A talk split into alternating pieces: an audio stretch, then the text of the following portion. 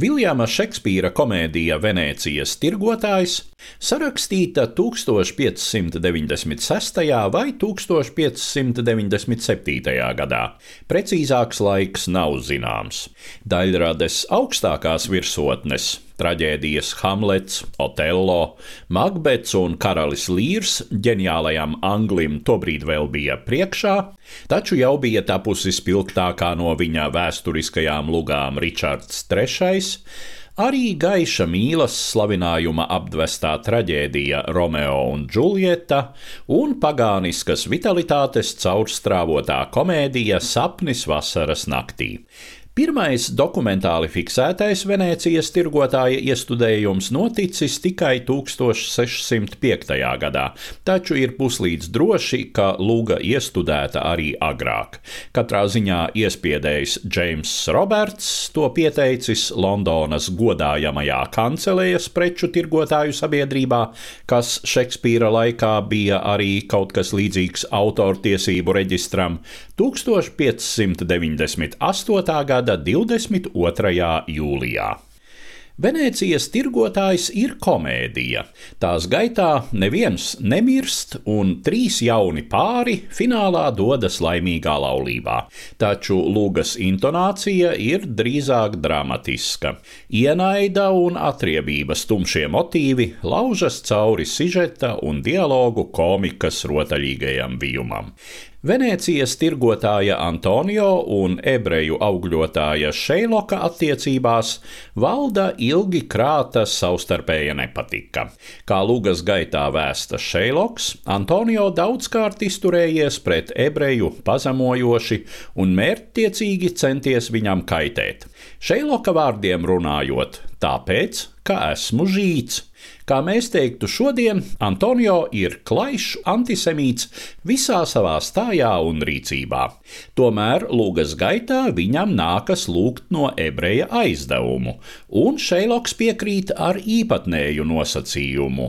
Ja parāds saulaicīgi netiks atdots, viņam ir tiesības izgriezt Antonio no krūtīm mārciņu miesas. Pēc šādas operācijas parādnieks visdrīzāk neizdzīvotu. Liktenis ir Antonio nelabvēlīgs, lūgas kulminācijā tiesa lemj par labu Šeilokam, un viņš jau ir gatavībā ar nāzi rokā. Pēc tam gan viss apvēršas otrādi, Šeiloks pats teju netiek notiesāts uz nāvi, viņam atņem mantu un pašu piespiež kristīties, ir sagrauta visa viņa līdzšinējā dzīve un viņa personības ideiskie pamati. formaatti. Grūti spriest, kā savus varoņus uztvēra pats Šekspīrs. Viņa laikā joprojām bija spēkā karaļa Edvarda I 13. gadsimta beigās noteiktais aizliegums ebrejiem dzīvot Anglijā. Līdzīgas izraidīšanas bija notikušas arī daudz viet citur Eiropā. Savukārt citviet, tā skaitā Venecijā, mūzus ticīgie dzīvoja izolēti no kristiešiem.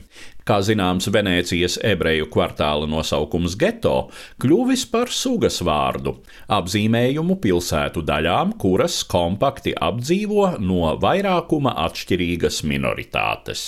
Tātad antisemītisms Šekspīra laikā Anglijā bija norma, un nav brīnums, ka šai laikā un arī nākamajos pāris gadsimtos Šeiloka tēls tika traktēts kā izteikti negatīvs, nikna atriebīguma iemiesojums kam sveša kristīgā žēlsirdība. Tomēr Šekspīra radītais varonis nebūtu nav primitīvi schematisks un dod pamatu arī citai interpretācijai. Sākot ar 19. gadsimtu, Šēloku lielākoties atveido kā cilvēku, kura gods un pašcieņa visu mūžu mīdīti kājām, un šo pazemojumu vienīgais iemesls ir viņa piederība citai tautai un ticībai.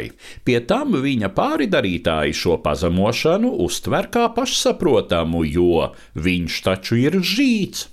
Un kad nu viņa aizrautīgākais pāridarītājs likteņa ironijas rezultātā nonāk ebreja rokās, gadiem krātais rūkums izlaužas āru. Kā saka pats Šeiloks, jūs mācāt mums nelietību, un to es gribu izlietot. Kaut gan tas būs cietsirdīgi, bet es tomēr pārspēšu savus skolotājus. Stāstīja Eduards Liniņš.